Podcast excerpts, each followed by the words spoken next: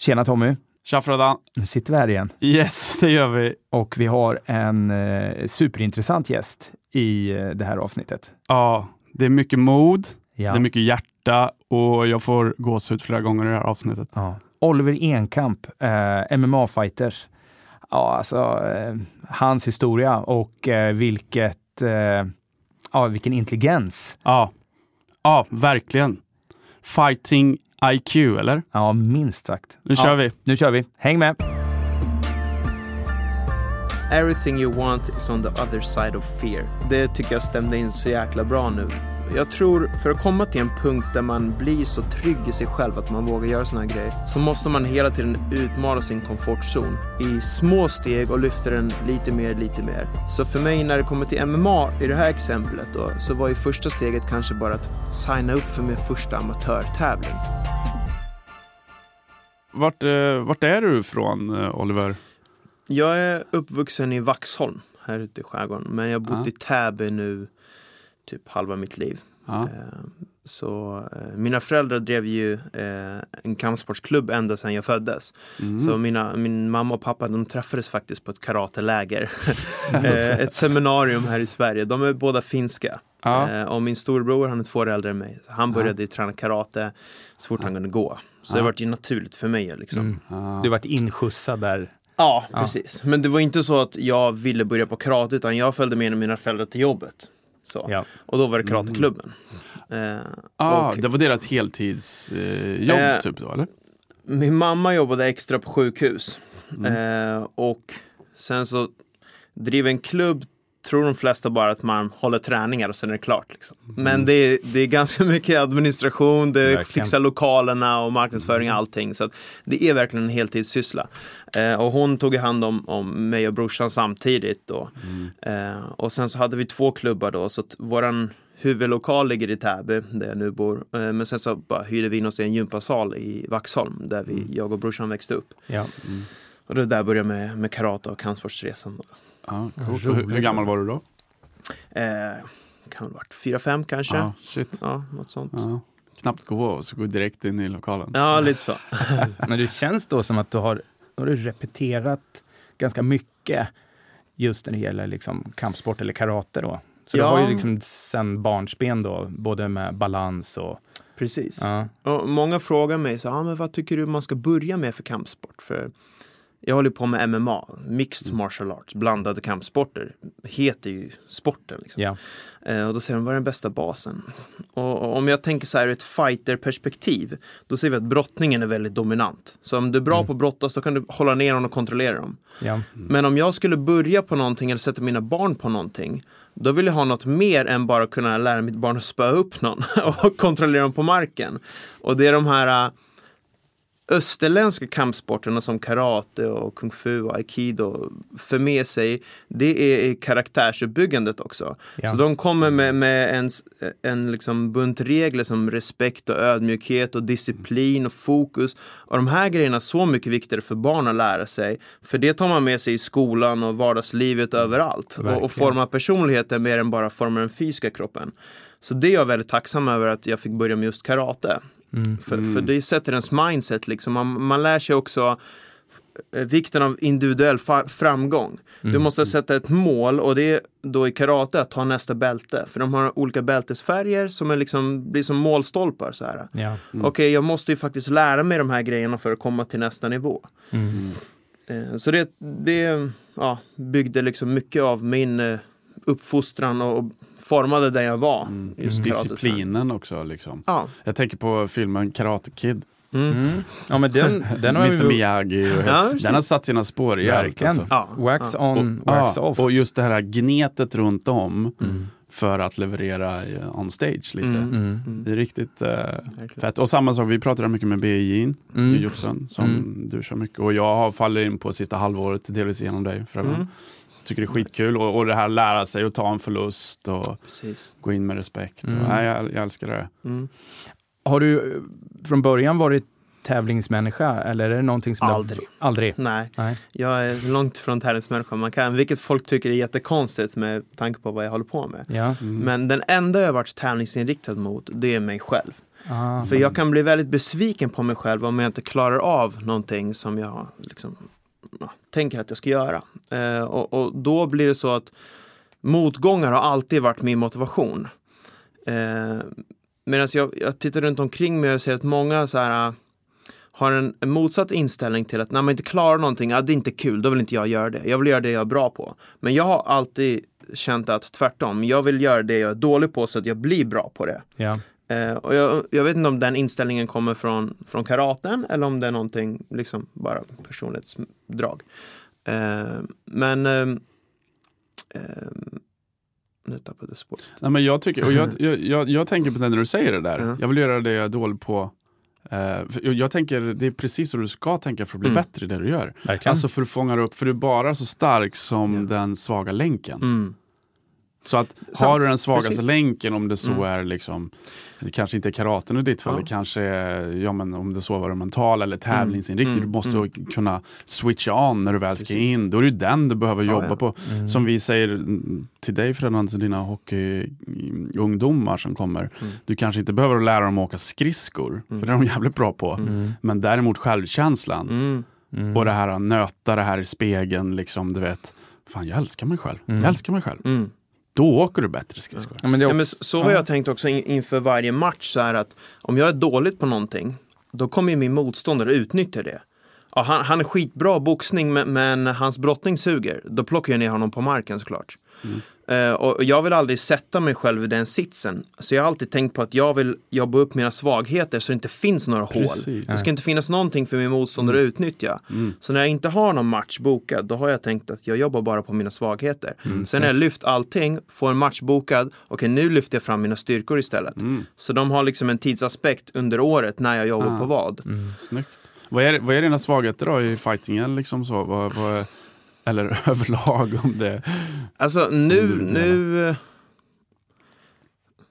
Kanske man inte vill blotta här. Nej, nej, dels det. Eh, men, men eh, hade du frågat mig för tio år sedan så hade jag Ja. haft mycket tydligare svar. Ja. Eh, men nu har jag jobbat på grejerna så Ja. länge så att nu anser jag inte att jag har några luckor, några hål liksom. Mm. Så när, när man tävlar i MMA så finns det som en trappa. Så här. Du börjar ju som amatör och då kallar Mm. vi det för att du tävlar i B-klass. Mm. Och då får man inte slå någon som är på marken. Liksom. Du slås stående på fötterna och sen så brottas du på marken. ja. Mm. Och sen så avancerar du till A-klass. Då får man lägga inslag på marken. Ah, Man har fortfarande ganska tjocka skydd och, och benskydd och så här. Mm. Och sen så blir man ju proffs och då, Mm. då blir det längre ronder och Mm. mindre skydd och så. Och jag tänkte alltid så här att jag ska få så mycket erfarenhet som möjligt under min amatörkarriär. Jag skiter i vinster och förluster. Det viktiga är att jag lär mig så att när jag kommer in i proffsscenen då ska jag inte ha några luckor längre.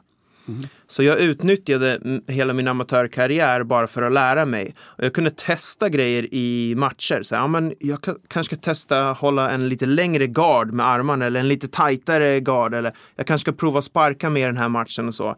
För att se vad som funkade. Mm. Och jag har aldrig blivit frågad om mitt, mitt record med vinster och förluster från min amatörkarriär. Det är liksom inte viktigt. Nej. Men det är Nej. när du är proffs och ditt Ah. proffsrecord, det är där det börjar spela roll. Det är där Ah. statistiken börjar komma in och sådär. Ah. Precis. Mm. Om ska du komma in i de här större ligorna i MMA, Ah. då måste du ha ett fläckfritt record. Du måste ha, vara liksom Är det ja, så? vinster.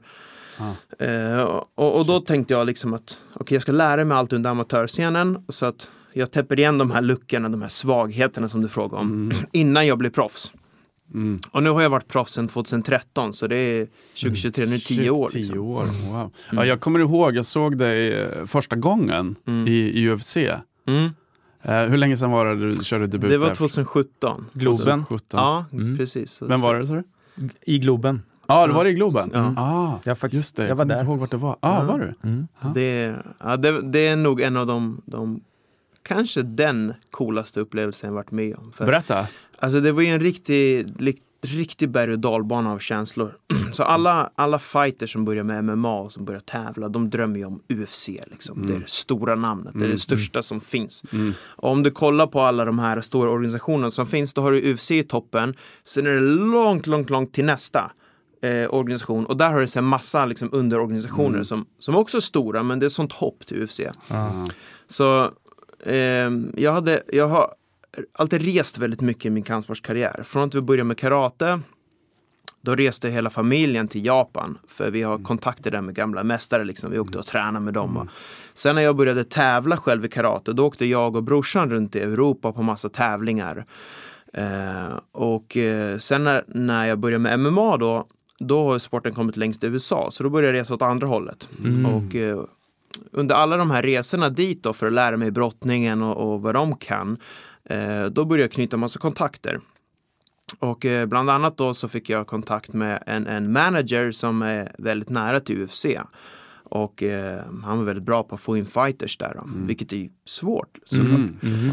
Och eh, vid tidpunkten 2017 då hade jag gått sju matcher som proffs och då hade jag vunnit alla. Så jag hade inga, inga förluster och de hade börjat hypa upp mig ganska mycket i, i, i media liksom och skriver om, de kallade mig för the future så jag tog det som ett fightnamn.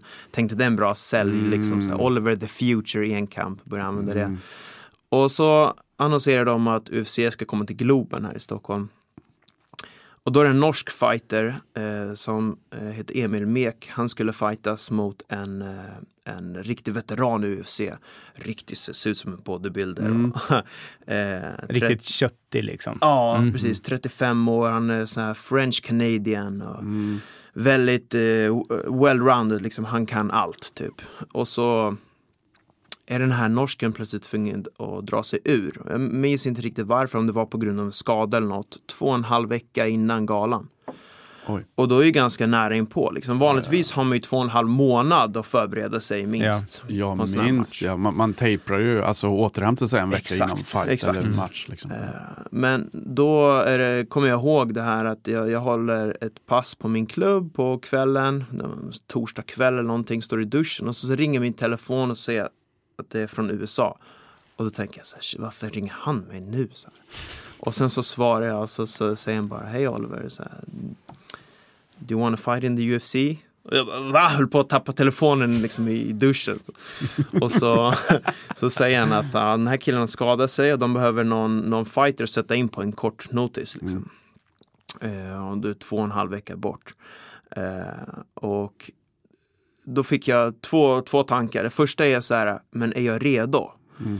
Jag var 25 år och ja, jag har liksom fightats i, i Solnahallen och Eriksdalshallen och nu ska jag upp till UFC. Som är liksom, från att gå med tusen personer i publiken till 10 000. Liksom. Mm. Det är ett stort hopp. Ja, och miljoner views. Som tittar ja. ja. ja. Och, och sen kom min andra tanke, men om jag säger nej nu kanske inte den här chansen kommer igen. Så det vore dumt av mig. Det, det är liksom fighters som skulle döda för att få den här chansen. Mm. Ja. Ehm, och så, Shit. så jag tackade ja. Och sen så tog det en vecka för mig att, att smälta vad som hade hänt. För nu har jag två och en halv vecka på mig som jag måste träna mig i mitt livs form.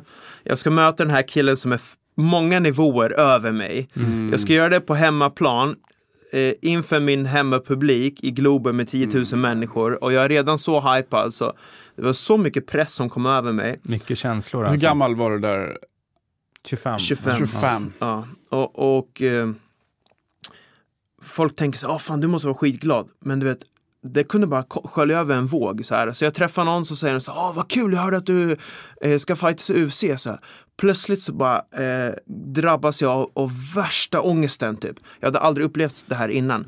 Så jag kunde bara eh, eh, känna att jag ville bara sätta mig i ett hörn och gråta typ. Ah. Ja, jättekonstiga Ja, men- känslor. Ja. Eh, och jag ville hela tiden vara omgiven av folk. Jag ville inte vara ensam. För då kommer tankarna. Typ, ja. Mm. Eh, jag, jag är en person som, som gillar att vara ensam. Jag gillar att ha min egen tid och så. Men nu vill jag hela tiden vara omgiven av så familj och vänner, känna trygghet. Oh, wow, wow. Eh, så det var också en väldigt ny känsla. Eh, och sen så tog det typ en vecka med de här eh, berg och dalbanorna av känslor liksom eh, att landa. Och sen när Fight Week kommer då, då ska man börja göra intervjuer och det är presskonferens och ta fotografering och massa sånt här. Och då hade jag liksom smält allt det här och kunde bara känna enorm glädje. Bara, vilken jäkla möjlighet jag har fått. Så här. Snyggt. Fan, det här ska jag göra det mesta utav. Mm.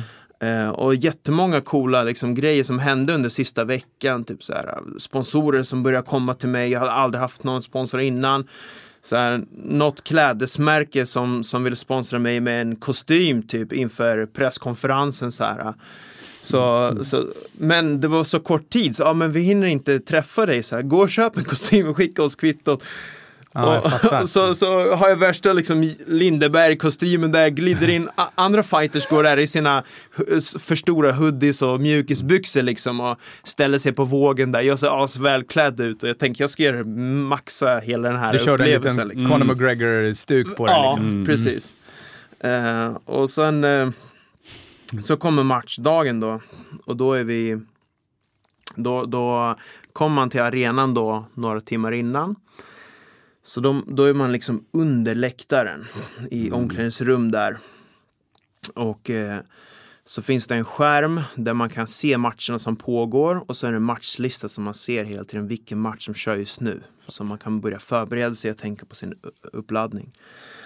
Och vi får dela omklädningsrummet med lite andra fighters då. Eh, och eh, en av mina teammates fightas också på det här eh, kortet då. Och han, han blir eh, knockad ganska ordentligt. Och när han kommer in i omklädningsrummet så blir det ju en väldigt liksom dämpad stämning. Ja, ganska låg stämning ja. Ja, Mm. precis. Och jag tänker bara så här, shit, jag får inte dras med i det här för snart ska jag prestera. Så jag Ja. drar på mig mina hörlurar och så bara lägger jag mig och mediterar lite och släpper tankarna, lyssnar på lite upplyftande musik och sen börjar vi värma upp och så, så hör man där som ett dovt ljud utanför läktaren. Då vet man det är någon som har liksom, ja, någon blir slagen eller någonting. kastad någonting så här. Och varje gång jag hör de här så börjar hjärtat rusa lite och sen så här. Och sen så, så kommer de in och så säger de, ja Oliver det är nästa match. Så tar de ut mig hela mitt ekipage och brorsan är där och mina coacher och så går man i en sån tunnel liksom under läktaren. Och så hör man på andra sidan bara massa musik och så här och börjar förbereda sig. Nu finns det inte plats för några liksom, Inga tvivel. inget tvivel, inget Nu är tvekan. det bara ut och köra. Ja, och brorsan går bakom mig och filmar hela upplevelsen. Liksom, så här. så jag, jag sträcker upp armarna liksom, som en vinnare. Så går jag igenom hela den här gången bara med händerna så här, som att jag redan har vunnit. Typ. Ja. Och sen så placerar sig framför ett skynke och på andra sidan skynket då går man in i arenan. Liksom. Ja. Ställer mig där, så när det är sista så säger de så här. Ja, eh, du kommer gå in om någon minut. Så här, och sen så är det en kamera i ansiktet, ljus här, ljus här. Och så hör man där, där ute. Och sen så, sen så blir det tyst och så börjar min ingångslåt spela. Och jag, jag har valt en så jäkla bra låt. det som- det? Eh, den heter Intro of the XX. Är- Ni, ni kommer känna igen den om ni hör den. Mm. Jag hade bara hört den men jag typ? visste inte vad den heter. Är, är det hiphop eller? Nej, det... alltså det är bara, det låter som, typ som soundtracket från någon film. Mm. Eh, och det är ingen sång utan det bara bygger upp värsta Instru- känslan. instrumentalt. Ja, men, precis. Eh, jag, jag lovar att ni har hört den, ni Mm. kommer känna igen den. Eh, och så, så börjar det spela och så går jag ut där. Och, och jag, jag har ingen aning av vad som väntar mig på andra sidan skynket. Så här, om jag ska bli asrädd eller så här, äh, ja, uppspelt eller någonting. Så det första jag ser är, är de här stora skärmarna där mitt namn snurrar runt hela globen liksom, eh, längst upp. Yeah. Och så hela publiken bara ställer sig upp, för det är ju hemmafajten här. Eh, och borta i buren ser jag min motståndare, han har redan gått in. Så han står där liksom redo och håller på att skuggboxa typ. Och bara ser hans svällande muskler liksom. Och sen så bara ställer sig alla upp och börjar hurra för mig. Så, här, så jag får gåshud och bara fylls av värsta känslan av så glädje typ och kärlek. Så här. Jag bara shit, alla de här på min sida. Så här. Jag har värsta armén med mig och där står Oliver. han ensam. Ah, The future. Ja. Oliver the Och, future. och då kände jag mig så jäkla självsäker plötsligt. Jag blev så trygg för jag kände att alla här är på min sida. Så. Ja. Eh, och så all eh, nervositet bara försvann. Så jag går ut där in till buren och sen så annonserar de våra namn. Och så drar matchen igång. Eh, och jag hade inte hunnit liksom, studera honom mer någon gameplan eller något på, på två veckor. Så jag tänker bara, fan jag gör det jag är bäst på. Eh, men han hade ju heller inte hunnit studera mig för hans ursprungliga motståndare var en helt annan fighting-stil. Så han mötte någon riktig slugger liksom, Ja. skulle möta, en riktig power puncher sådär. Eh, och jag är ju mer kanske av en, en, en tekniker då. Ja, det är som- mycket, mycket kreativitet i din fighting. Ja, precis. Och, och jag har nog en annan typ av brottning, liksom mer, mer aggressiv brottning kanske. Jobbar mer med sparkar än, än slag och sådär. Så att allting vart ju också omvänt för motståndaren. Ja. Så han safeade skitmycket, för han hade allt att förlora på den här matchen. Jag Yes. kommer in här som en underdog, helt ny i UFC. Ja. Får möta ett stort namn, jag kan bara växa av den här matchen. ja, visst. Så matchen går i alla tre ronder. Jag bara slänger spark efter spark, snurrsparkar hit och dit och allting missar. Alltså. Jag vill bara skicka, liksom hålla honom borta, han försöker kliva på och, och boxa mig liksom. Eh, han fick inte in mycket träffar eh, heller för att för han safeade så mycket. Men han, han styrde hela matchen. Liksom. Han hade mig mot burväggen eh, väggen hela tiden. Eh, och, och de kallar det här för octagon control. Liksom. Vem kont- eh, kontrollerar buren? Det är ett bedömningskriterie. Så om, in, om vi har fått in lika många träffar, då är det den som har bättre kontroll över burytan som vinner. Han prickade mig med en, en hård vänsterkrok kommer jag ihåg, träffade mitt i ögat liksom. Så mitt ögonvitan blev helt röd sen efteråt. Eh, men, men det var typ det enda hårda träffen jag fick. Och efter matchen då så är det en enorm lättnad, är det varje gång. Så här, Och eh, så kommer man ut i, i mediarummet och det står massa reportrar och de bara Åh, det här var din första förlust på ditt professionella rekord, hur känns det? Jag bara, det känns asbra, det här var den bästa förlusten jag någonsin kunde haft, kände jag. Och det var verkligen det för att över natten så typ fördubblades mitt följarantal. Jag har plötsligt blivit ett, ett namn, jag har kommit in i UFC och fått ett kontrakt. Jag har dessutom blivit lovad en extra match oavsett hur det går. Eh, eftersom jag hoppade in på så kort notis. Eh, och, och det kändes som det här var det bästa beslutet jag kunde gjort för mitt varumärke. Och så växte jag så jäkla mycket som person. Och jag sa det till min brorsa innan, innan matchen, så här, oavsett hur det går, bara av den, här känslostormen, allt jag har gått igenom den här veckan, så kommer jag rama in de här handskarna och sätta dem på väggen. Ä- även om jag blir knockad i första sekunden. Och det var det första jag gjorde när jag kom hem sen. de hamnar på väggen, de sitter fortfarande där idag. Alltså. Eh, och sen därifrån så tog ju min karriär fart ordentligt. Och, och sen har jag fightats liksom på den högsta nivån sen 2017. Det som jag tycker är intressant när du eh, berättar om hela den här ingången och eh, att du blir uppringd och allt det här. Just hur du kan kanalisera känslorna. För att Mm. du säger ju själv så här, du hade ett tvivel på att Ska jag ta det här? Är jag Mm. redo? Etc. Mm. Det finns Ja, ju något slags av alltså så här, att man ifrågasätter sig själv i det. Men jag tycker det är så jäkla fint att du vågade ta dig igenom det och faktiskt Mm. göra det. Mm. Och att du också berättar att känslorna bara släppte. Ja. Vad tror du att det kan vara som gjorde att det där att du var det att du kände dig ändå liksom trygg i dig själv eller Mm. var det lite grann så här att ah, men jag chansar, fan jag kör? Alltså var det, var, Jag tänker direkt på den här quoten, everything you want is on the other side of fear.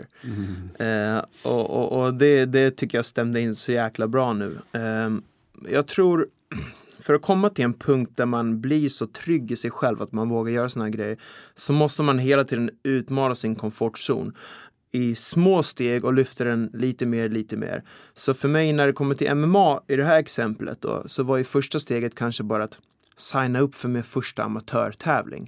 Och jag började tävla i något som kallades för Svenska Grapplingligan. Då får man inte slå varandra, det är bara brottning.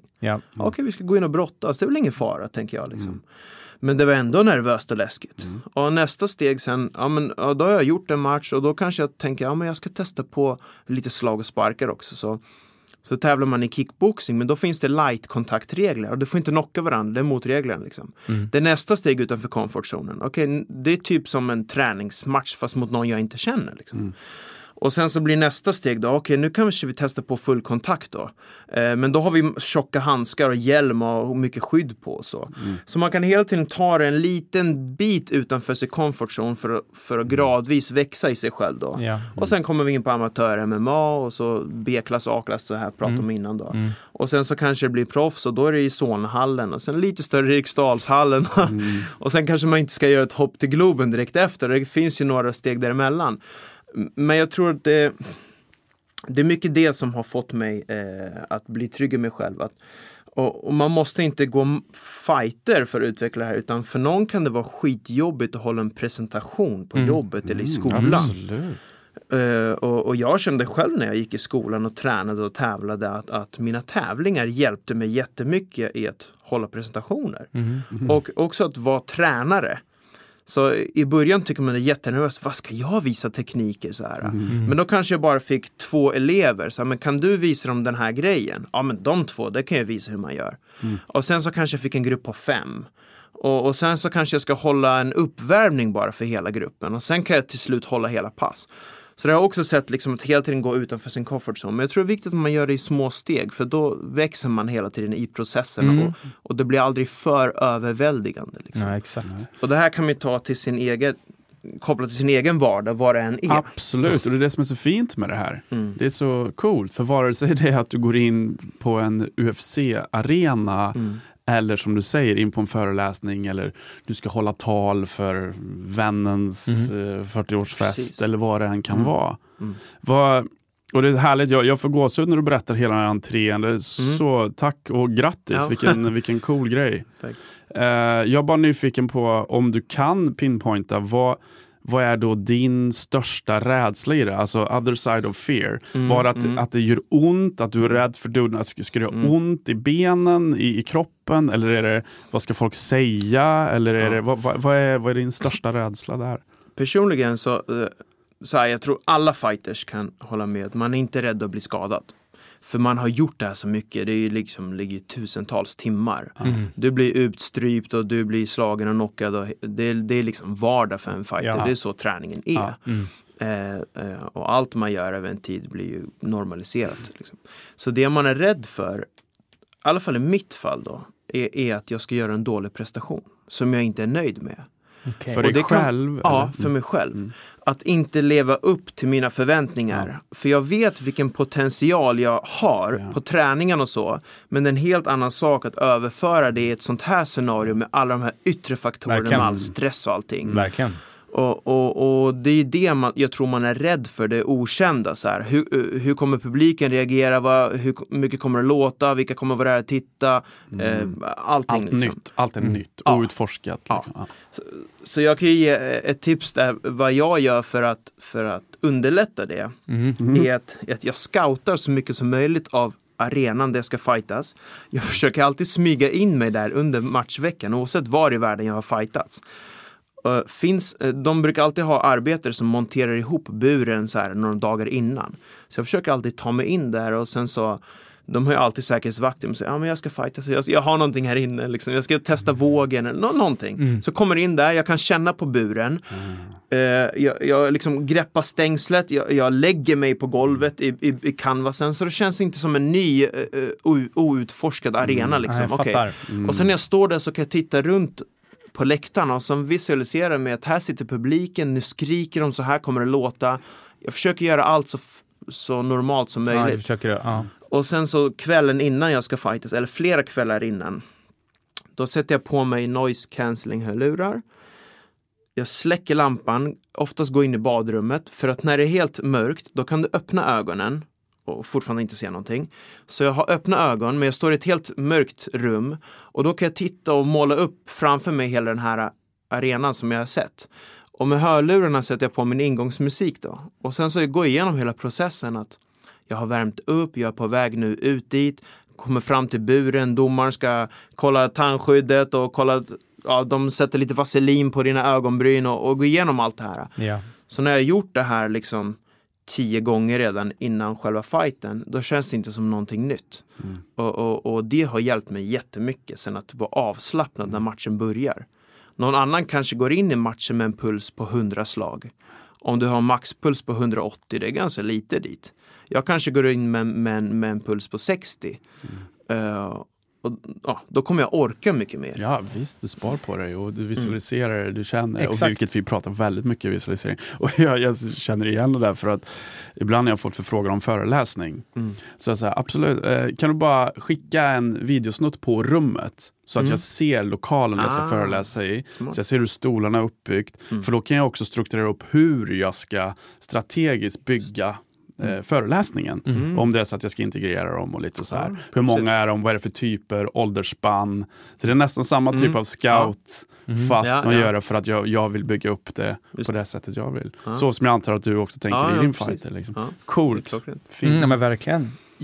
Det är samma sak, exakt likadant. Jag, jag, när jag jobbar med dem i elitidrottare så jobbar vi mycket inom NLP, alltså visualisera. Mm, mm. Och att spela upp en film men också förstärka färgerna i filmen som du spelar upp. Mhm. Det gör alltså att alla intryck i det du vill spela upp i filmen Mm. blir starkare. Det. Och det du kan göra är att när du ser motståndaren, Mm. då gör du honom svartvit istället. Mhm. För svartvit, Just för det är så man plockar bort Ja. saker och ting. Så om vi säger att du har ett Wow. trauma till exempel, Mm.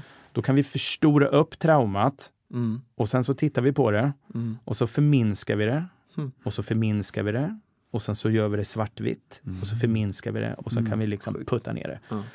Och när man gör den processen, då är det som att vi let go.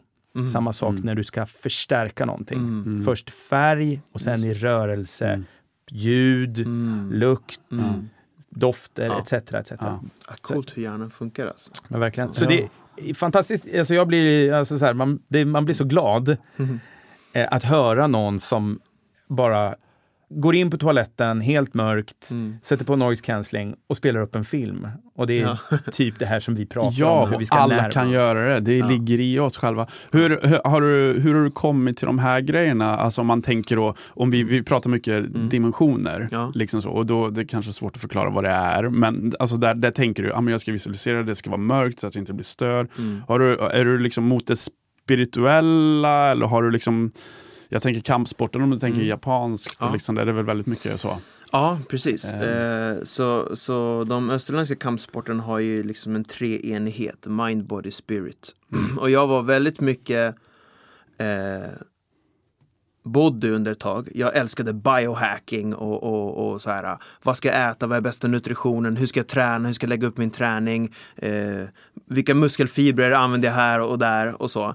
Eh, och sen så var jag mycket mind under ett tag också och det är för mig liksom böcker och läsa och lära och förstå vad man håller på med. Eh, och sen så spirit är någonting som kanske senaste delen av, av mitt liv mest, mest plockat upp. Eh, och det, det är mer saker vi inte kan sätta fingret på, för det är sånt som inte kan, kan mäta kanske med, med våra fem sinnen, utan det kanske finns ett sjätte sinne som, som vet annat. För att när det kommer alla till de här grejerna vi precis har pratat om, visualisering och sånt, det var ingenting som någon hade lärt mig. Nej. Utan det är saker som jag kände intuitivt var rätt. Fint. Det här vill jag göra. Snyggt. Så här känner jag kommer hjälpa mig. Och sen har jag i efterhand sett i någon bok, jaha, det här var idrottspsykologi tydligen. Det finns något som heter triggers. Men fan, jag har redan haft en bild eh, på min bakgrundstelefon som jag har valt just för att koppla det till ett ord, till en känsla som ska få mig att plocka fram en viss state of performance. Liksom. Exakt. Ja, men det här var en teknik som någon har redan har skrivit om och hittat på. Så det har alltid kommit i efterhand. Ja, fint. Eh, Men då är också, där är du ju, om man kan titta på det, är man ju på rätt plats. Alltså man vågar lyssna på mage, Exakt. hjärta, hjärna. Exakt, du vågar vara nyfiken och öppna det. Och Ja. det, det, mm. Jag tror att det är, där ska du veta Oliver, det är en sjukt bra styrka mm, av att våga öppna upp i det där som vi pratar om nu. Det är lite frekvens, vi Mm. har en, en, en annan känsla än bara våra sinnen. Alltså Ja. det här att vi kan på något sätt säga, jag är på rätt plats. Mm. Det här känns bra. mm, Och just av att våga förbereda sig så pass mycket som det bara går inför en fight eller någonting. Mm. För då kan du också let go, släppa taget. ja. Jag Mm. vet att jag är på rätt plats. Ja, tillit, mod och, och skit i egentligen vad fan, vad fan det är för något. Exakt. Gör det mig bättre? Ja, jag har tillit till att du gör det. Ja, Exakt. kör På det. Exakt. Mm. Du har ju också bilder i din mobil Fredde. Mm, jag har en- ja, jag har en vision board. Ja, Mm, jag har en vision board. du är bra på det där. Eh, så jag jobbar jättemycket med det själv. Mm. Och eh, det är samma sak, jag vet att du badar kallt. Mm. Eh, det samma sak där. Jag använder, jag använder kallbadet som ett, ett instrument eller ett verktyg för att andningen, lugn, kunna visualisera Mm. och sådana saker. Mm. Och hela tiden ha det som en liten, vad ska jag säga, ett mätinstrument. Mm. Var är jag i mitt nervsystem nu? Mm. Är jag stressad? Är det någonting som ligger? Mm. Och så kan jag få svaret direkt. Mm. Idag vill jag inte vara i det kalla vattnet. Mm. nu ska jag vara i kalla vattnet. Mm. Typ. Vad, vad använder du för tekniker så, för, att, för att vara där? Ehm, så, så dels är det här med triggers som, som har fungerat väldigt bra för mig. Mm. Eh, och en trigger är någonting man kan koppla till ett ord eller till en bild. Mm. Eh, så att, eftersom jag, jag nämnde tidigare att jag är ingen tävlingsperson. Mm. Så det, det väl så långt liksom att när, när jag var liten och vi satt i mitt pojkrum och spelade tv-spel med mina polare så märker jag att jag, jag, jag håller på att vinna. Då börjar det bli dålig stämning. Då börjar jag låta polaren vinna istället. För det var viktigare för Ah. mig att vi har en bra stämning Mm. än att jag vann. Så, medan de var jättetävlingsinriktade kanske. Ja. Eh, så för mig sen när jag skulle komma in i, i MMA fighting och börja tävla och vilja vinna, det var någonting jag fick liksom lära mig. Eh, för att det är inte pingis vi spelar utan vi ska ju slå varandra hjärndöda, liksom, Ja. om man ska använda sådana termer. Eh, eh, och, och då måste man ha ett helt annat mindset, kill or be killed. Liksom. Så jag behövde någonting som kunde plocka fram den här känslan hos mig. Och jag såg framför mig då en varg som ska precis gå till attack liksom, och hugga sitt rovdjur. Så jag började jag, hitta bilder på vargar så här, som, som visar tänderna och ser riktigt liksom, så här, skräckinjagande ut. Jag hade det som bakgrundsbild. Och sen så det funkade bra till en början, så när jag skulle gå in på mattan så tittade jag på vargen och tänkte ah, så här, jag är en fucking varg. Liksom. och så, eh, i, I början kändes det jättetöntigt och konstigt, så här, för det var inte Det känns inte som jag. Så här. Men, men eh, fake it till you make it, det funkar verkligen. Så. Ja. Jag intalar mig själv det så pass många gånger att till slut så börjar jag tro på det. Liksom. Ja, Och så är det med vad som helst man, man intalar sig själv. Exakt. Och sen, sen kunde jag då koppla det till ord också. Eh, så jag skrev något ord på bilden då. Eh, och då räckte det sen med att jag sa ordet högt och så kom den känslan i mig liksom. Mm. Eh, det kan vara bara ett ord som bäst. Liksom. Så, Ja. ja. jag, jag är fan bäst. Eh, och, och det kändes också i början fel av mig att säga så för att man lär sig att man ska vara ödmjuk, dels som svensk liksom, i vår kultur. Lagom. Jante. Ja, ja men precis. Men Ja. också i, i, i karatekulturen så är det väldigt mycket så här, ja men respekt, så det går inte att skryta och så här. Det låter dina skills visa för sig själv typ. Ehm, så, så jag började använda triggers mycket som i form av bilder och ord. Eh, och det hjälpte mig jättemycket i början. Till slut hade de här triggersen omvandlat min personlighet så behövde de inte längre. Då kunde jag lämna bort dem så här. För nu har jag en switch bara som, som jag kan bara plocka på. Och den har jag fäst till, till min blick. Så, så när jag ska gå in i, i killer mode liksom och fightas, eh, då är det någonting i min blick som ändras. Eh, man, man ser nog det eh, om, man, om man känner mig, om man har tränat med mig. Så jag, jag kan fightas med dig på en träning och vara så här eh, latchig och så. Och sen så kan du känna att någonting bara ändras i, min, i mitt kroppsspråk. Ja, Och den annan energi. det Så blir en här. annan energi. Ja. Ja, det blir en helt annan energi och plötsligt vill du inte vara där längre. Det känns lite, ja, lite jobbigt liksom. Eh, så. Så du blir mer superfokuserad och mer, mer direkt i dina beslut. Liksom. mm, Mm. Precis. Killer mode. Ja.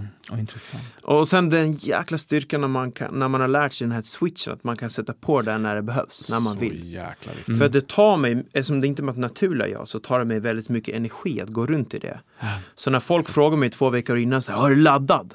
Nej, inte direkt så här. Det är lång tid kvar. Exakt. Jag laddar upp så här några timmar innan jag ska fightas. Två timmar innan, då är jag i omklädningsrummet. Då sw- flippar jag switchen. Liksom. Vilken jävla styrka att kunna kontrollera det sådär. Mm. Och där har vi också vikten i att faktiskt fake it until you make it som du säger, Mm. vad den är för switch. Mm.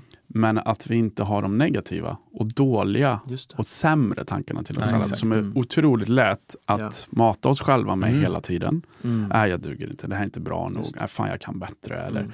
Och så går vi bara och automatiserat håller på med det där Ja, jävla exakt. inre ordspråket. Mm. Om du då kan träna på vad den är, Nej, jag är bra, jag är snygg, jag, fan, jag kan Ja. det här. Mm. Jag vågar misslyckas i det här. Ja.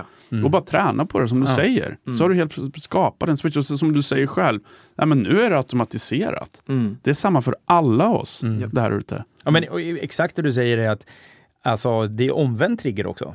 Alltså om vi börjar tänka att vi är dåliga Ja, och sen, då, exakt. vi, då tränar vi Ja. trigger åt andra Det- hållet. Det är nog vanligare. Ja, absolut. Ja, det är det jag menar. Det är Mm. det Ja, det ja. är. Verkligen. Så, så viktigt att vi bara, bara väljer att ja, men nu kommer en dålig tanke. Okej, men jag ska kontra den med något Mm. bra. Exakt. Han slog mig här den här tanken. Okej, Ja. men, men då ska jag kontra tillbaks Mm. med en frontkick. Ja, I'm fucking superman. ja precis. Ja, men verkligen. Alltså Ja. vad den kan vara. Eh, om man går tillbaka lite grann, hur har din uppväxt varit? Har du haft en trygg och bra barndom och uppväxt? Ja, skulle jag säga. Och, och jag menar, jag växte upp i Vaxholm, typ, måste vara en av de tryggaste kommunerna som finns liksom ute i skärgården. Eh, och eh, mycket natur, mycket, mycket vänner omkring. Eh, så, så det var aldrig liksom något eh, att, att jag var tvungen att fightas heller för min överlevnad. Nej. Vissa fighters har ju det som sin motivation. Men jag tror det, det kan också sätta en större press på en för då måste du vinna liksom om du har haft tuffa förhållanden det kommer ifrån. Ja. Jag måste inte fightas, det är ingen som tvingar mig att göra det här utan jag gör det bara för att utmana mig själv. Det är en personlig resa liksom. Mm. Ehm, och, och, jag är inte heller beroende av inkomster eller något som någon annan är för att fightas. Eh, så, att, så att den pressen försvinner ju. Så Där. fint att höra. Ja. Förstå att ha, ja, men förstå att ha free, free mind. Att det är inte på grund av att jag har fått spö hela mitt liv eller att eh, jag liksom kommer ifrån ett kargt, jobbigt, Mm. eh, fattigt hem eller vad det nu än kan vara. Och att det här är, det här är min Ja, men det här är det enda jag behöver göra. Jag måste göra det här för att jag ska överleva. Mm, mm. Och jag tycker det är så fint att man kan kanalisera det på det sättet. För det Ja. Mm. ser, precis som du säger, att det är ju faktiskt väldigt många fighters överlag som kommer ifrån någonting Ja. som man, man vänder drivkraften i det. Jag ska fan visa dem. Det Ja. blir lite Rocky-känslan. Exakt. Jag ska visa dem. Ja. Ja, ja. Och att du ändå bara så här, ingen tävlingsmänniska, Nej. utan mer kreativ Ja. och att du bara vill ha god och fin stämning. Men att du Mm. ändå kan gå in i det. Mm. Jag tror att där är vapnet. Jag tror att där är styrkan. Jag har analyserat tre olika typer av, av personligheter i, i det här jag håller på med. Det finns fighters, det finns atleter och det finns kampsportare. Och, och de här kategorierna så här, en fighter det är någon som de vill bara slåss. Och det kan vara precis som du har berättat om, de kanske kommer från brasilianska favelan och de har fått fightas Ja. för sin överlevnad. Liksom. Någon annan har haft ett jävligt bråkigt förflutet, kanske haft dålig situation hemma och, Mm. och, och inte fått någon support, något stöd. Så de har byggt en hård liksom, rustning som, Ja. ja. utvändigt och blivit fighters. Liksom. Ja. Eh, de är jävligt bra, bra på det de gör. Sen finns det atleterna, de som är fysiskt talangfulla. De skulle kunna bli bra på vilken sport de än gjorde, men de hamnade i MMA. Mm. Så de skulle kunna bli fotboll eller ja, vad som helst. Så här. Men de blev bra på MMA så de körde det. Och den sista är kampsporterna och det är de som är mer, mer konstnärer. De ser inte på det här som en sport utan de ser på det som en konstform. Ja. Det är, en, det är mer av en livsstil. Yes. Jag bryr mig inte så mycket om resultatet till nästa match. Utan jag vill bara förbättra min, min fightingform, min Ja. konstform. Jag vill se att jag blir bättre med varje match. Sen om jag vinner eller förlorar, det, det spelar inte så stor roll. Men jag tänker på det här på sikt.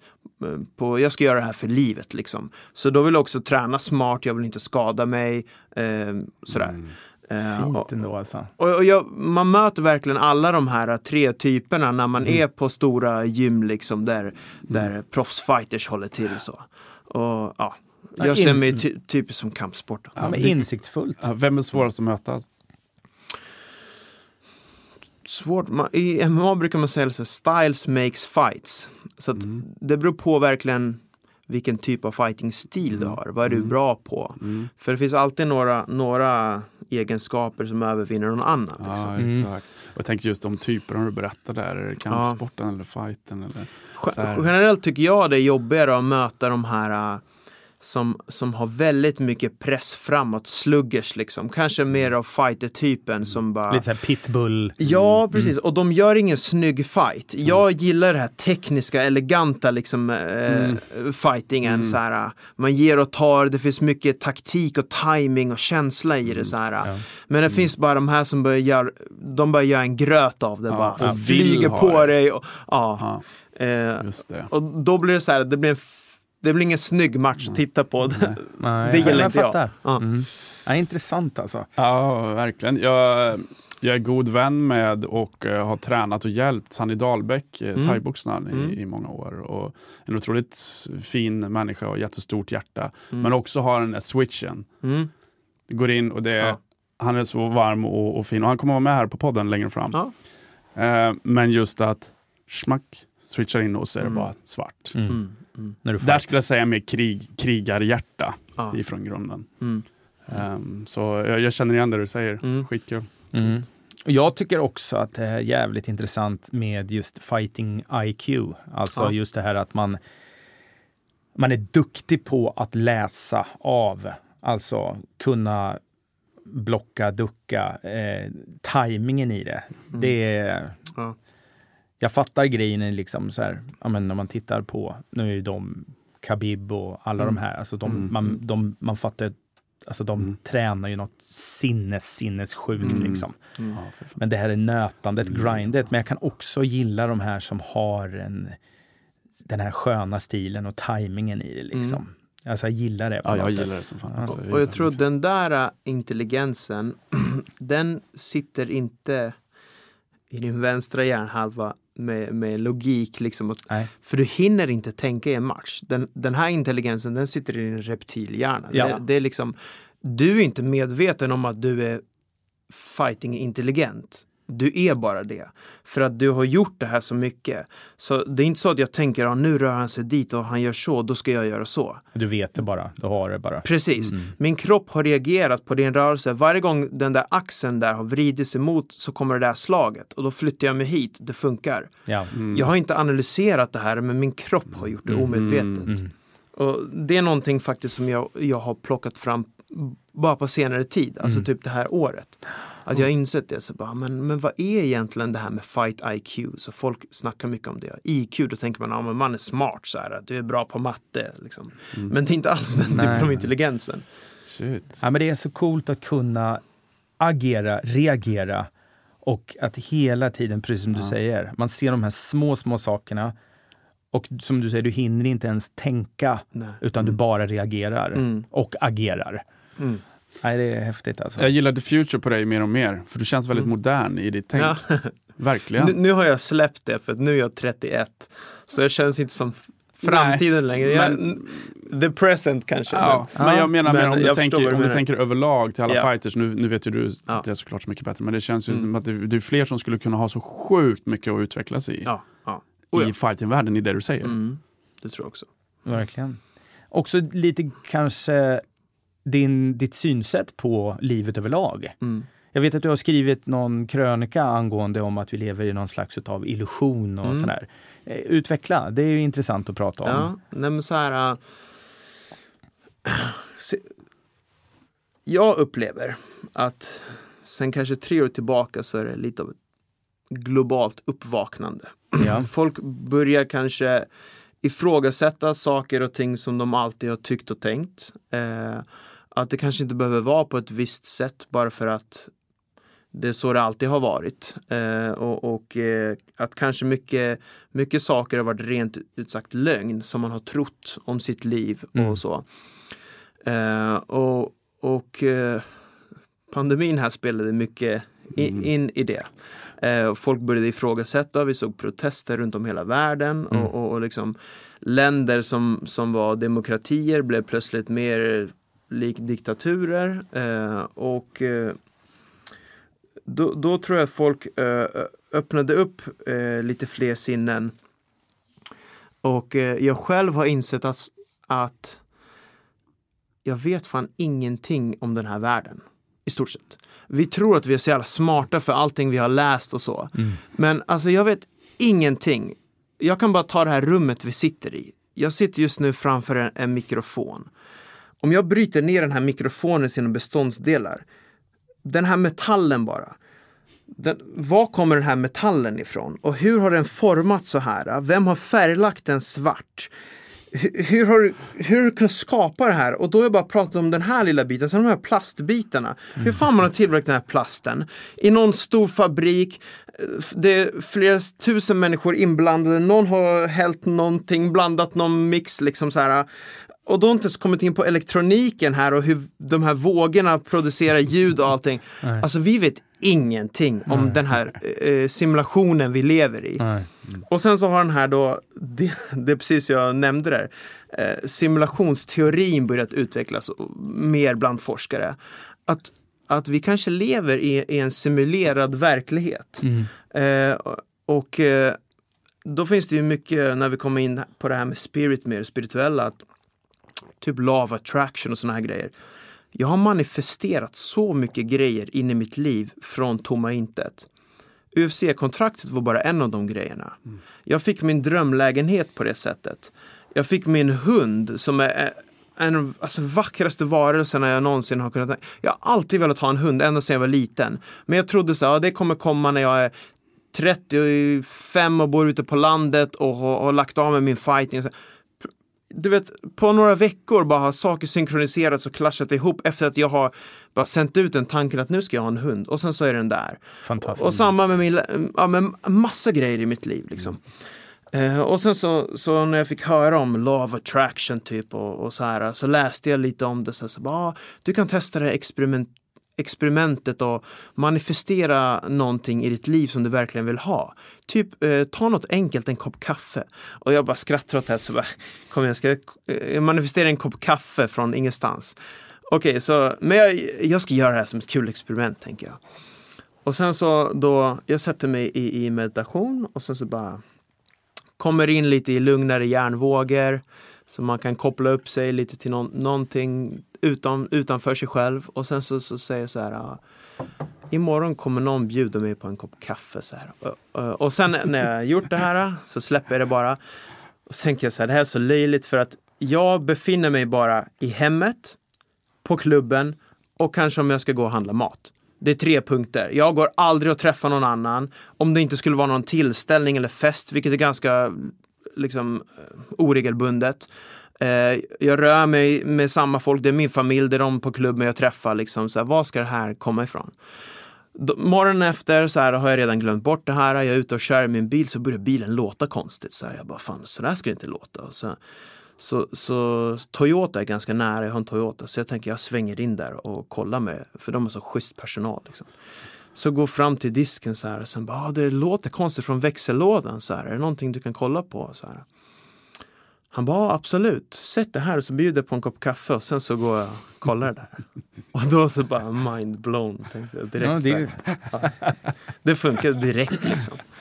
Eh, och, och, och det var första gången som av flera som, som det Mm. här har hänt. Jag har massa sådana där stories. Ja, vi har massa sådana också Fredan. verkligen. Alltså vi, vi är big believers i det där och Ja. vi har så många coola exempel som vi kanske inte hinner att dra nu men Vi kan ju faktiskt dra den med Oliver, för det är Mm. ganska roligt. Sure. kör. Vi, eh, vi hade nu lite strul med att vi skulle försöka få in rätt gäst för att det var gäster som bokade av av olika anledningar. Mm.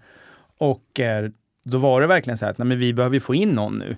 Mm. Och eftersom att vi Det har här- pratat... Det här var ju samma vecka ska vi säga. Ja, det är alltså, samma vi hade vecka. en som var Mm. tvungen att boka av några dagar innan Mm, vi skulle exakt, så det. är liksom Ja. Och grejen är den att jag sitter och pratar med Tom i telefon, jag sitter i bilen och så säger jag, eh, eller vi säger så här, att "Ja, men vi måste få in en bra gäst nu. Det, och så hade vi ändå skickat ut.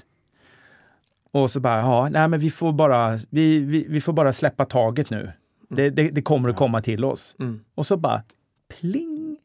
När vi pratar i telefon. Oliver Mm. Enkamp. Ja, men det går bra på fredag. Och då vill nästan båda två så här, där ser du! Där är det! Där är det! Ja, ja. Och det var Lämnar liksom, det till universum så. Ja, men det är lite exakt sån så. känsla. Så så. vi är, och jag tycker så här att man får tycka vad man vill om det här. Mm. Men det jag tycker är så fint är att om man tror på det här Mm. och att man är trygg i det, Mm. så har man man har så mycket mer. Ja, Ja. Istället för att vara den här, Ja, ne- det här negativa. det är det. Ja, det- det- det- Istället, bara, du bjuder in och du ser det. du ser det? Du bjuder in det och du ser Mm. det. Och jag tror att det blir roligare att leva så. Ja. Oh, ja. Än att, äh fan, nu bokar den här av i måndags. Hur, hur fan ska vi få in en, en ny intressant person på Mm. fyra dagar? Och bara, vi släpper den, den kommer. Mm. Och det är ju faktiskt, he, helt ärligt, det är ju så vi bygger vår podd. Ja, men det, Det är exakt Mm. så vi, vi har liksom, ja men det här är perfekt. Och så kommer det och så kommer någon, nej men det här borde du intervjua. Ja, fan perfekt. det har varit mång, här exakt, det var mång, många personer i våran podd som har ja, egentligen inte, vi har så här slängt ut en, en förfrågan. Mm. Mm. Och sen så är det lite stiltje och så, är det så här, och så kom, ah, Ja, det är fint. Det är magiskt. det Det, blir samma ändrar också en, en, ens, ens verklighetsuppfattning lite när man, man, man är inte ett offer för sin verklighet utan, utan man är en skapare av sin verklighet. Mm. Man inser att shit vad mycket skapande kraft jag har om jag tror på det här. Mm. Jag kan få vad som helst att hända mig, det som jag vill. Liksom. Mm. Och när folk inser det här så ser man att fan, de har bytt, gått och sagt upp sig på jobbet och bytt karriärval och gjort hit och dit och sen suttit bakom en, något, något skrivbord i, i 30 år. Plötsligt så är de någon grupptränare på Playitas i, i Ah. Kanarieöarna. Liksom. Ja, Bara men- sitt bästa liv. nej, det är så coolt. Ja, det är fantastiskt. Redovisningsbyrån siffror.se. Här finns inga dumma frågor. Vill du veta mer? Siffror.se. Va, Har du, har du kommit till de här insikterna med genom att du läst eller har du haft någon mentorer eller har du liksom så här, hur, hur, har du- Jag tror det mesta grundar sig i min nyfikenhet på allting. Mm. Jag har alltid varit genuint nyfiken. Jag vill veta saker. Jag vill veta allt om världen jag lever i. Så här. eh, och, och det är nog där sen jag har då tagit mig vidare och, och läst och lyssnat. Och, och om jag har en fråga eh, då, då kommer jag dyka ner i, i ett riktigt liksom, kaninhål för att ta reda på allt om svaret. Så. Eh, och då kan jag spendera en, lördag till att få svaret på den här frågan. Jag sitter och googlar och youtubar mig fram till och sen så får jag massa olika synpunkter och då har jag plötsligt lärt mig någonting och öppnat upp en helt ny dimension av, av min verklighet. Liksom. Mm. Ja, fint. Ja, jag tror det bara Bra egenskap. Ja, fantastiskt. Nyfiken och envis. Ja. Ja. Vad, har du någon, någon förebild sådär eller någon, någon som du ser upp till eller som du har följt? Eller så här? Jag skulle vilja säga att jag har olika förebilder i olika aspekter av mitt liv. Så. Ja. Eh, så till, exempel när det kommer till, till fighting, då kan det vara någon, någon som har verkligen brutit normen. Och en som st- står ut för mig är Muhammad Ali. Och, och Man boxas på ett visst sätt liksom, eh, och lär ut på ett visst sätt. Och han gör precis tvärtom. Så här. Han hänger med armarna och dansar runt och, och liksom eh, gjorde något helt nytt. Och, och sådana personer som bryter normen, de är ofta väldigt inspirerande till Mm. mig. Så här. Och sen så sätter de en ny standard och ser man massa andra följa efter och försöker Mm. göra samma grej. Sen när det kommer till, eh, till eh, liksom, eh, karaktärsdrag och hur man ska vara en, en bra person, då är nog min mamma min största förebild. Mm. Hon har ändå uppfostrat mig och lärt mig de här grejerna. Fint. ja, fint. När det kommer till, eh, till eh, typ karriär, framgång och liksom mindset, då är nog min brorsa. Han, han drog mig ur, utan att han kanske vet om det, drog mig ur hamsterhjulet. Jag, jag, jag var jätteväldisciplinerad eh, i skolan och hade bra betyg och så här. Och sen så följde jag bara allting som lärarna sa och tänkte så här, ah, men vad ska jag bli då med mina bra betyg? Läkare, kanske advokat, vad är de bästa yrkena? Jag sitter och googlar och, och få all den här programmeringen utifrån, vad man ska göra, vad man Exakt. ska bli och så här. Och så säger min brorsa så här, nej jag ska jobba med karate. Tänkte, Va? Det är inget yrke liksom, så här, vadå jobba med karate? Nej men det är det jag gillar. Så han började ju researcha, liksom. det började med en blogg på den tiden när bloggar var stora. Det fan, Youtube hade inte växt som det var idag. Började han skriva om karates historia och så här. Så. Och, och karate är mycket styrt av så här äldre generationer som inte är så tekniska. Så han var den första karatebloggen liksom, som blev stor plötsligt. Här kommer en ung kille med mycket energi och skriver så här.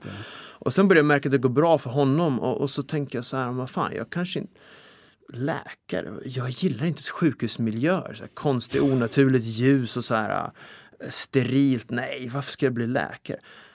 Advokat, vadå? jag hatar så här ekonomi, att sitta i lagböcker och juridik. Vem är det som intalat mig det liksom? Pilot var jag inne på ett tag. Så läste jag om så här, man får jättemycket strålning uppe, kosmisk strålning. Nej, fan sitta i en flygplan.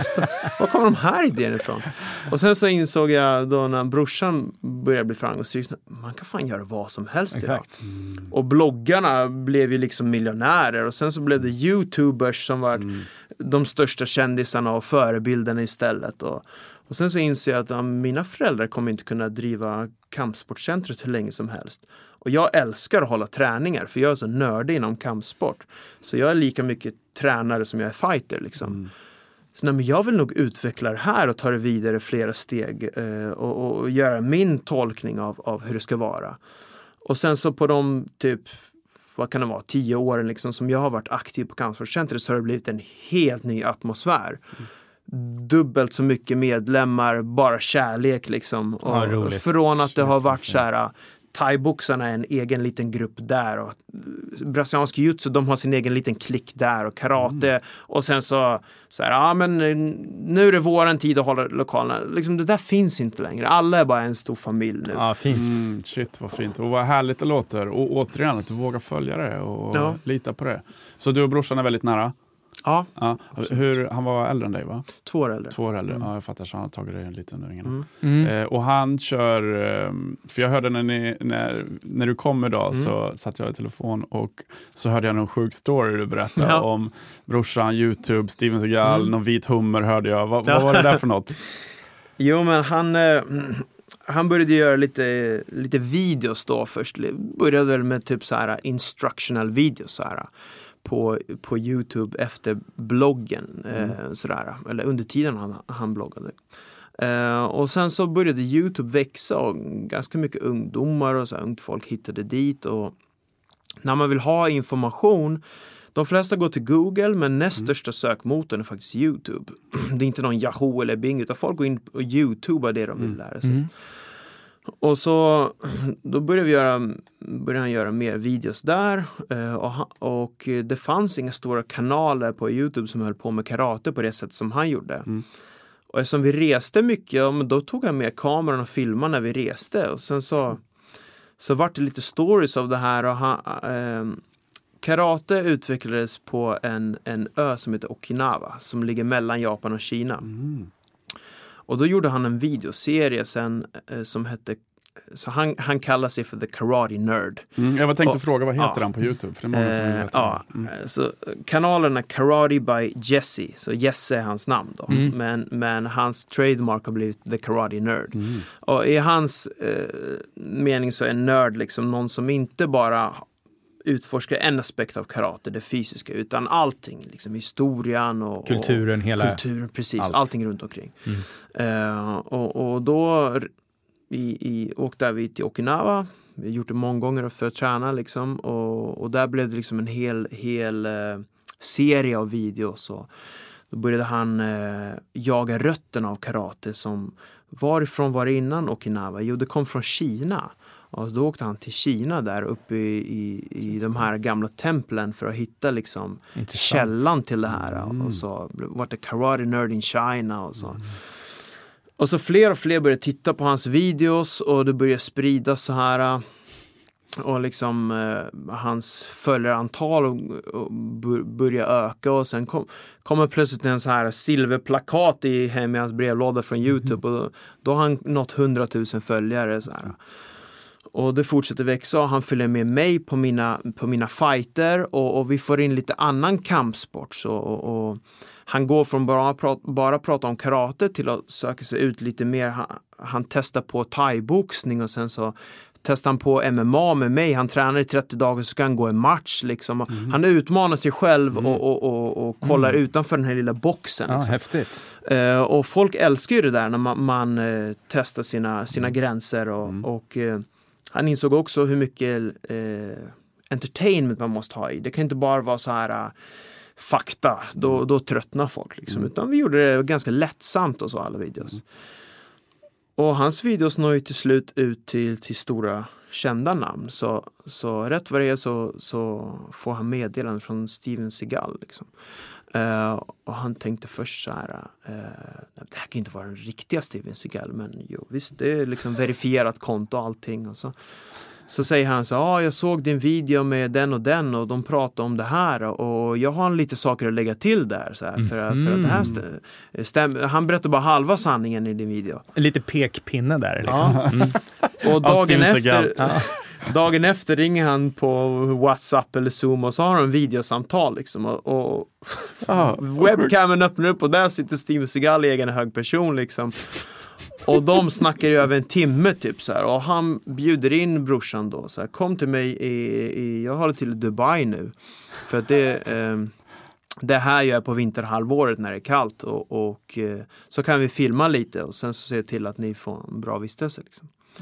ah. Så brorsan tog ju med mig och, och, och vi flyger dit. Det här var mm, drygt ett år sedan. Mm. Ja, är ungefär precis ett år alltså, sedan. va? Eh, och vi har fått en adress bara. Och vi vet fortfarande inte vad som väntar. Liksom. Så stämmer det? Kommer det vara någon liksom, fake där borta nu? Så här? och sen så kör vi ut på eh, värsta, värsta dyra hotellkomplexet liksom. Och sen så The Palm där ute typ eller? Ja, Ja. typ så. Mm. Och sen så ska vi träffa honom då för en frukost. Så vi går till frukostserveringen så här och tittar vi runt så här. Steven Seagal här liksom.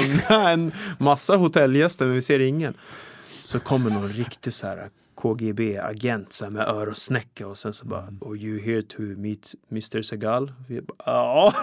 Och två liksom eh, små pojkar från. Sverige typ i jämförelse med honom så här.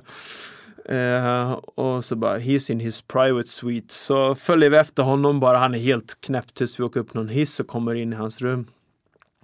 Så han har ju en jättestor våning liksom som han hyr på det här hotellet då. Ja. Och sen så långt bort eh, från dörren där vi kommer in så, så ser vi en balkong och där glider han in i en sån här yukata, en sån här ty- typiskt traditionell japansk lång dräkt. ja. Ja, man har sett att han, Ja. man har sett att han bär Han går där, runt ja. överallt i de här Ja. japanska kläderna liksom. Och han är en, han är ju en stor figur liksom. Mm.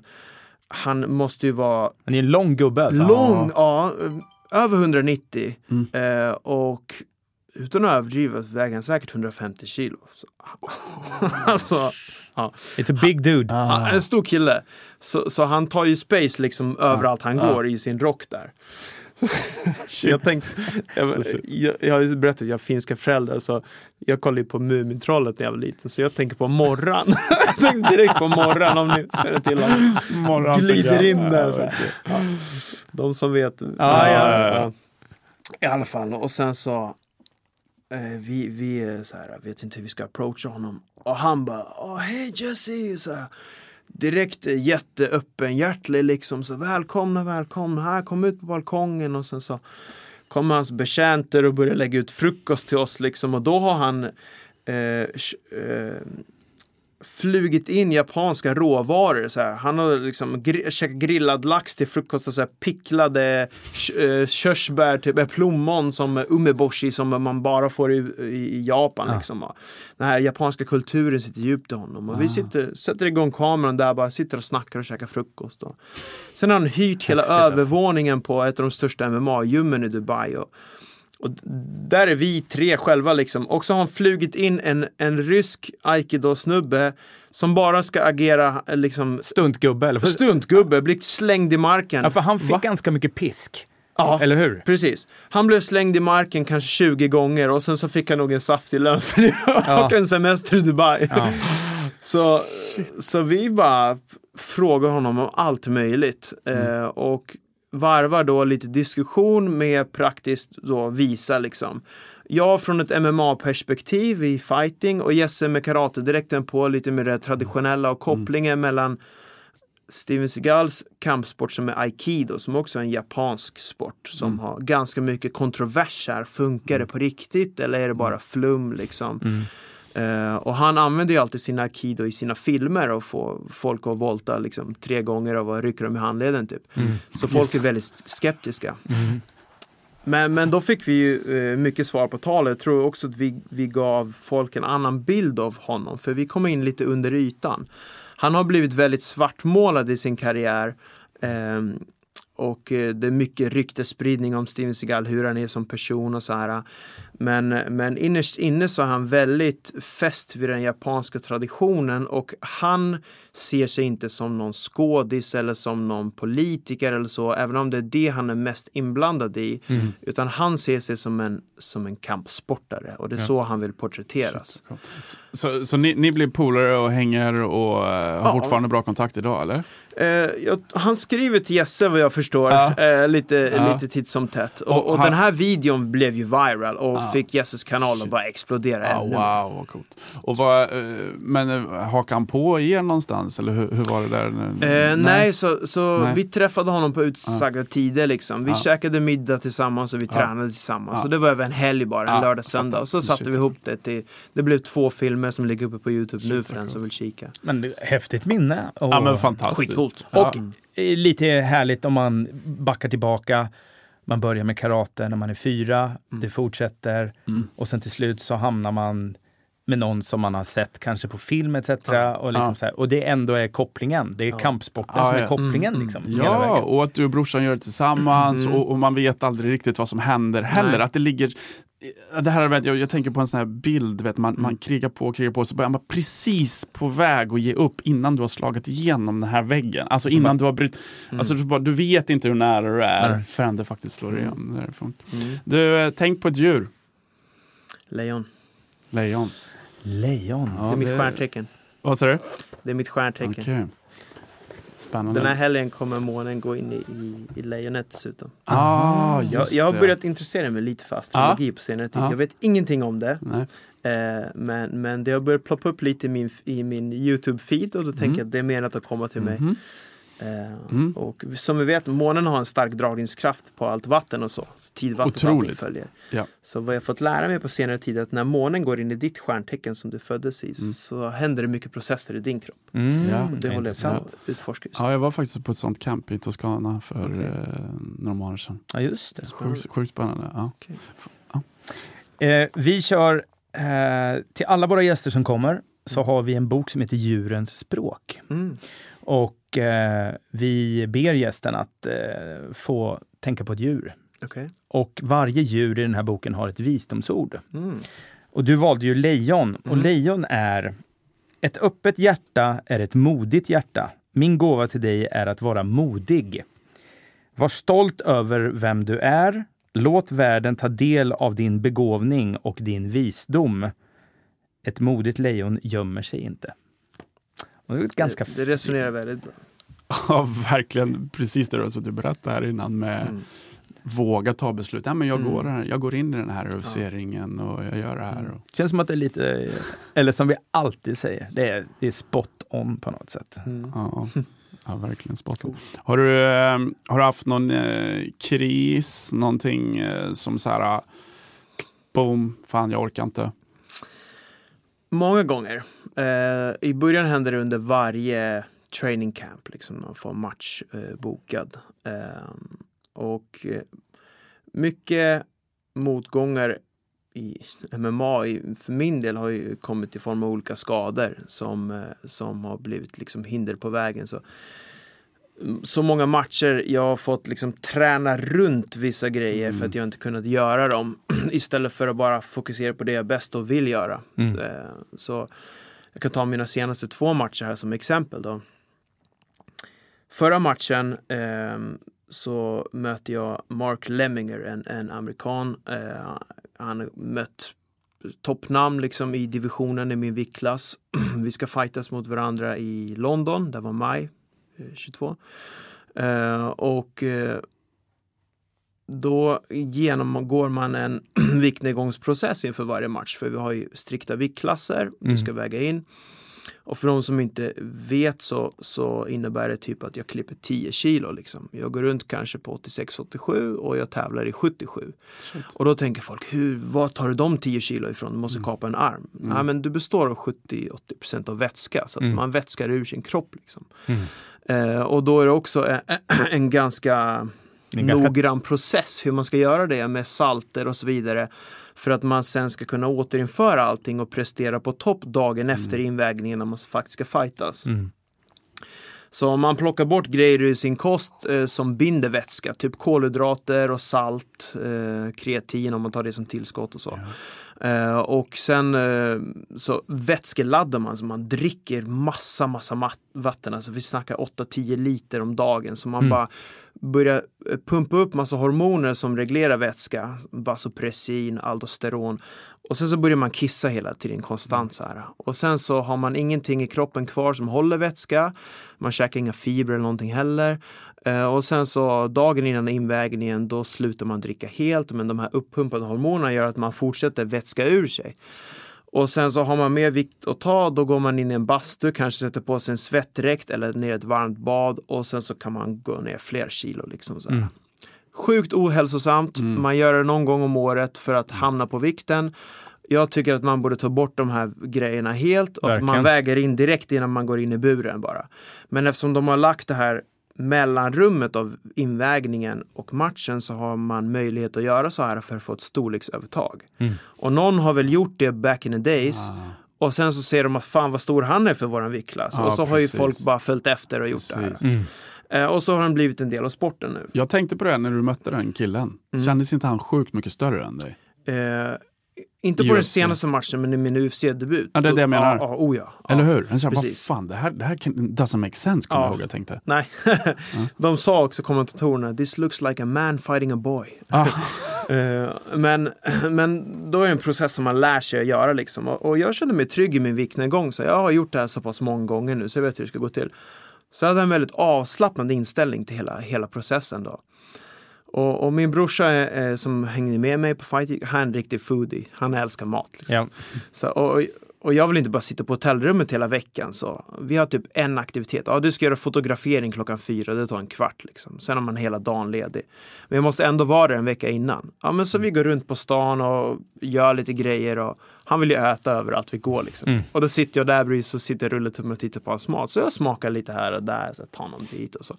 Väldigt avslappnad inställning. Och, och eh, då får jag nog i mig lite salt och lite kolhydrater och lite så här. Som börjar binda vätskan. mm. Exakt. Och sen när det är dags för mig att klippa vikten och jag ska börja kissa ur då, jag slutar dricka. Så slutar jag kissa och, och väger 83,6. Och nu är vi 12 timmar innan invägningen. Och jag ska väga in på 77 12 timmar senare. Det är alltså nästan 7 kilo som jag måste klippa på 12 timmar. Oh. Det är Jag mycket tänkte alltså. så här, vad fan, så här brukar det inte gå till. Så här. Mm. Jag brukar basta bort kanske två kilo, tre kilo max. Mm. Eh, men det är bara på med den här svettdräkten och in i bastun liksom. Eh, och, och så blir det i omgångar, in och ut, in och ut och liksom man tappar vätska runt huvudet, runt hjärnan också. Ah. Man blir helt dåsig, kroppen blir spaghetti så här, börjar bli vinglig. Och, Stresshormon går upp. Ja, precis. Mm. Eh, och jag blir helt urholkad i ansiktet, ser ut som ett skelett. Liksom. Och klarar invägningen. Det var ingen rolig process, men det gick ju bra. Börja eh, ladda upp återvätska. Eh, och då vill man stoppa i sig allt man bara kan. Man vill bara dricka och käka. Ja. Men, men precis, man måste ha lite tålamod för att det är inte vad som går in i magsäcken utan det är vad det faktiskt absorberar som spelar roll. Exakt, du. Och så dagen efter så känner jag mig rätt okej. Eh, men jag börjar få kramper. Så här, jag ska bara sträcka mig efter min telefon så bara krampar min arm upp. Så ska jag typ sträcka foten under täcket så krampar min vad upp. Så jag har konstant de här kramperna liksom. Och jag fyller på med elektrolyter och, och allting för att som man ska liksom. Är det någon slags av mineralbrist i det här? Ja, eller? precis. Så det är salter som åkt ut och inte Mm. liksom hunnit absorberas. Mm. Typ. Eh, och, och timmarna går och, och matchen börjar närma sig och kramperna försvinner. Ja, det känns rätt bra. Så går vi över till arenan. Den är bara på andra sidan eh, vägen från hotellet. Då. Börjar värma upp och i uppvärmningen så vill jag inte göra det jättehårt liksom, utan jag vill bara få upp pulsen lite och, och, och ha en bra känsla i kroppen. Eh, sen är det dags att gå in till matchen. Så går in där, okej mitt mindset, allting är eh, spot on liksom. Jag har gjort min visualisering, allting. Jag vet vilken fighting-stil han har, jag har förberett mig på det. Och så klockan går och sen så springer han mot mig och han är väldigt på, väldigt aggressiv, går direkt in i mitt face liksom. Och så kommer vi in i clinch här och, och, och greppar varandra. Och jag lyckas få, få ner honom. Och så bara känner jag att all energi går ur kroppen. Alltså vi är 15 sekunder in i matchen. och jag, jag ska hålla på i 15 minuter. Så jag får en, en känsla av hopplöshet bara rinner över mig. Vad fan ska jag göra? Jag ska vara här i en kvart. Jag har tränat i tre månader för den här matchen och jag har ingen ork i början av matchen. Så här.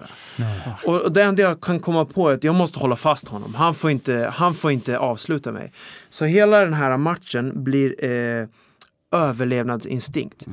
Fokus ligger inte på att vinna, för jag vet att jag har inte orken att vinna. Jag har inte orken att trycka till ett slag nog och, och, och sänka honom eller st- greppa honom. Jag vill bara hålla fast honom så han inte eh, Du hänger, mig. hänger som en typ jävla ryggsäck eller Exakt. något sånt. Ja. Ja. Bara överlevnad. Precis. Och, och, och jag, när jag tittat på matchen i efterhand så ser jag också mitt kroppsspråk så här. Armarna och benen är liksom tunga som bly så här när jag går till, till rondvilan emellanåt. Och i sista ronden då, jag, första ronden höll jag på att bli utstrypt tre gånger. Liksom. Han greppar min hals och jag tänker så här, ska jag klappa, ska jag klappa? Och sen så när det börjar svartna då bara tänker jag, nej fuck it, får jag ut mitt huvud till slut. Och sen i andra ronden, och då träffar han mig med en klockren smäll i huvudet. Och allting snurrar och instinktivt bara greppar jag tag i hans fot och så kommer vi in i brottningen igen. Han träffar mig med en till smäll och håller på att gå ner på nytt. Och sen så lyckas jag rida ut stormen. Så kommer vi in i rond tre. Och då kommer så här, jag, jag måste göra eh, liksom någonting spektakulärt nu. Så jag tänkte så jag ska bara skicka en snurrspark mot huvudet och, och sen så ber jag till gud att den här träffar liksom. Så jag slänger den här snurrsparken liksom, ingen setup, ingen finess, jag bara skickar ut den där. Han tar ett steg in så den blir för kort. Och han kommer liksom innanför min, min räckvidd och så dunsar jag ner på marken. Eh, och då ligger jag under han igen. Och i den här positionen där jag ligger med lätt hjärnskakning, eh, ingen energi i kroppen, så bara rör sig mina armar och ben i en sekvens som jag har drillat säkert tusen gånger i träning. Och jag kopplar ihop en Buggy. upp, upp och nervänd, omvänd triangelstrypning som nästan ingen har sett förut. Eh, Men jag är väldigt rörlig, så jag har möjlighet. Jag, det här är en grej som jag brukar göra liksom. Jag tror jag har sett den här. Mm. Ja, Kallas det buggy choke?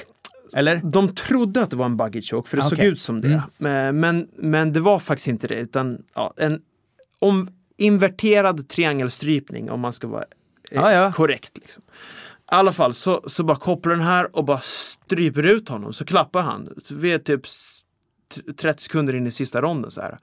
Och jag har inte ens fattat vad som hänt. Jag bara ställer mig upp så här. Jag är bara så glad att det är över så här. Men jag kan inte så visa någon, känna någon glädje. Jag bara, "Åh, jag vann så här. För att du är så trött liksom. Ja, och jag är bara i överlevnadsmod fortfarande. Och så sträcker de upp min arm. Han är skitmissnöjd för han höll ju på att spö skiten nu men sen blev han utstrypt på ett så här riktigt spektakulärt sätt. Liksom. Och eh, eh, kommentatorerna eld och lågor. Bara, "Ah, vi har aldrig sett en sån här strypning innan. Så här, det här måste han verkligen ha planerat typ. Jag tänker så här, inte en chans. Men den här har ju gått nu. Den här, alltså, den Och har den blivit där, superviral. den spelade de upp på Twitter och överallt och folk delade och jag blev nominerad Submission of the year och vann den, den liksom kategorin hos flera olika så här Ah. MMA-sidor och så här. Jag tror Joe Rogan hade uppe den på sin eh, också. det sant? Ja, jag tror att han, Shit. ja, jag tror att Ja, han, och, och i alla fall då, jag kommer tillbaka till omklädningsrummet sen och sen så frågar jag brorsan så här, vad hände? Sara? jag har fått en minnesförlust. Jag har ingen koll på vad som hänt senaste timmen. För jag kom, på, att- kom ihåg att jag stod där eh, framför buren och skulle gå in. Och sen så efter det så har jag gjort ett tacktal eh, med kommentatorn. Jag har gått in och gjort en presskonferens och svarat på frågeintervju. Jag har ingen minne av det här. Och sen så, så var det en annan svensk där som fighter. Så jag frågade så hur gick det för dig? Så här, eh, och brorsan sa, men vi tittade ju på hans match. Jag bara, gjorde vi? Så här. Jag hade aldrig haft en minnesförlust förut. Och det var bara något tem- temporärt liksom. ja. Så att jag var troligtvis närvarande där och då. Men sen i efterhand så, så försvann den här timmen. Liksom. Ja. Och, och troligtvis för att jag förlorat vätska då Det runt tror jag. Det är hjärnan. stress. Exakt. Alltså, det är ju Och sen- stress. Ja. Liksom. Ja. Och sen så blir alla hjärnskakningar värre då. Exakt. Ja, ja. Exakt. Det är ju total Så- survival mode. Ja. Ja. Så det var en riktig sån här äh, jäkla bottenhål som jag lyckades vända ändå till Ja, men bra. verkligen. Coolt. Och matchen innan var också en sån katastrof. Men då var det mest i träningsförberedelsen när jag hade så mycket skador. Mm. Så fem veckor innan matchen spenderade jag på, på en stationär cykel för det var allting jag kunde göra. Mm. Så jag hade jättebra cykelkondition. Jag kanske borde ställt upp i ett cykellopp men jag gick och fightades mot typ Bellators bästa brottare Ah. eh, utan att ha tränat någon brottning på fem veckor.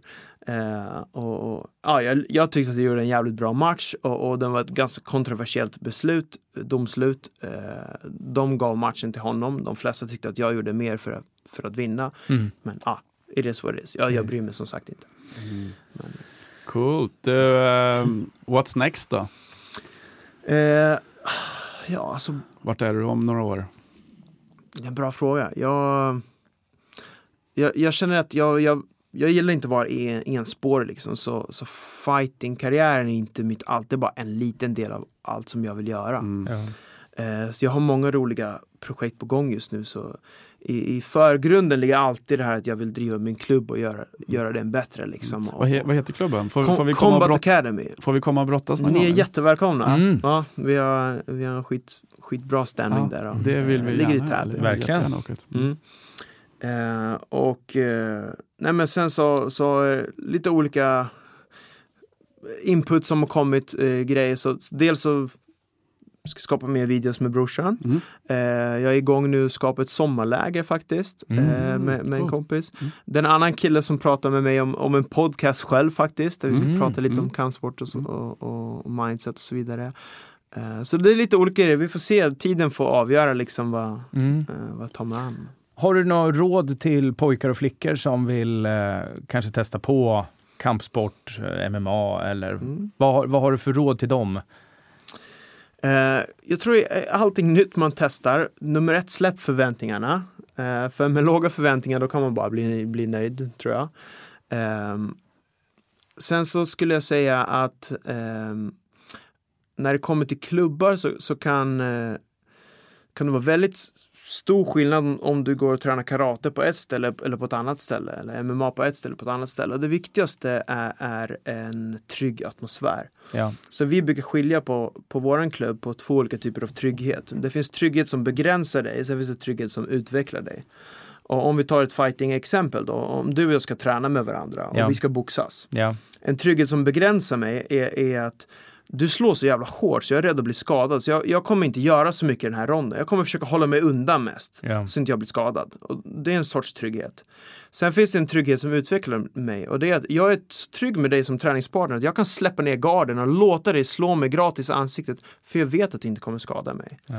Eh, och, och det är den atmosfären man vill ha i en kampsportsklubb. När vi Mm. ändå håller på med en så pass macho-sport så behöver vi inte spä på det där extra. Tillit, respekt. Mm. Ja. Precis. Mm. Så, så det är väl mi, mitt andra tips. Liksom. Mm. Att gå till, eh, testa en klubb där du känner att du har en trygg atmosfär. Mm. Där du kan utvecklas och våga testa dig fram och göra nya grejer. Sen så är olika kampsporter helt olika i sin natur. Ja. Brasiliansk jiu-jitsu och thaiboxning är som natt och dag. Liksom. Mhm. Och vissa vill ha mer liksom, konditionsträning och flås och så här. Och andra gillar det här taktiska och tekniska och då kanske jiu-jitsu är bättre. Mm. Mm. Ja, testa dig fram. Mm. Cool. Nå, nå li, alltså, nå råd i livet till de ungdomarna eller till människan? Alltså jag, jag, jag gillar inte att säga åt andra hur de ska göra, men jag, prat, jag berättar gärna hur jag själv har gjort och tänker att folk kan ta inspiration. Och Mm. för mig så är det det roligaste som finns är, är att eh, att bli mitt bästa jag. Alltså, Jag ser så mycket ungdomar som, som spelar dataspel och så utvecklar man någon, någon liksom digital karaktär där och de uppgraderar sin, sin avatar liksom med stats och, och, och skills och så här, blir bättre. Och sen när man tröttnar på det där spelet, då är all progress borta liksom. Varför göra det digitalt när du kan göra det på riktigt känner jag? Vi, det här är ett, Fint. vi, vi lever i en 3D-simulation. Det här är våra dataspel. Ja. Och du kan redan utveckla din karaktär. Du kan förbättra din styrka, din intelligens, allting och bli så jäkla bra du bara kan. Och i takt med att du förbättrar dig själv så kommer du märka att din omgivning också påverkas och förändras under processen. Medvetet eller omedvetet. För man attraherar saker som man själv sänder ut. Så att när du blir ditt bästa jag, då kommer du märka plötsligt att det börjar hända bra saker i, i ditt vardagsliv. Eh, Så, så mitt enda tips liksom är, är det jag själv gör, det är att jobba på mig själv varje dag. Ja. Jag, jag kan tycka att när jag tittar tillbaka, jag har kommit långt, jag har gjort jävligt mycket, jag har varit jävligt framgångsrik.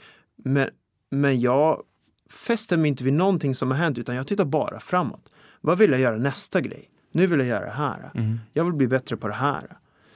Så, Ja. ja, det- Fantastiskt. Mm. Alltså, tack eh, Oliver. Verkligen supertrevligt att få lyssna Mm, till dig verkligen. och träffa dig. Tack själva. Inspirerande. Ja, minst sagt. Mm. Det var väl det det stod i lejonet också. Exakt. Ja, och mod. Mm. Ja. Modet, Det är ja. kanske det som. Raps ja. vrider upp den här eh, och avslutar den här lilla podden Verkligen. idag. Mm.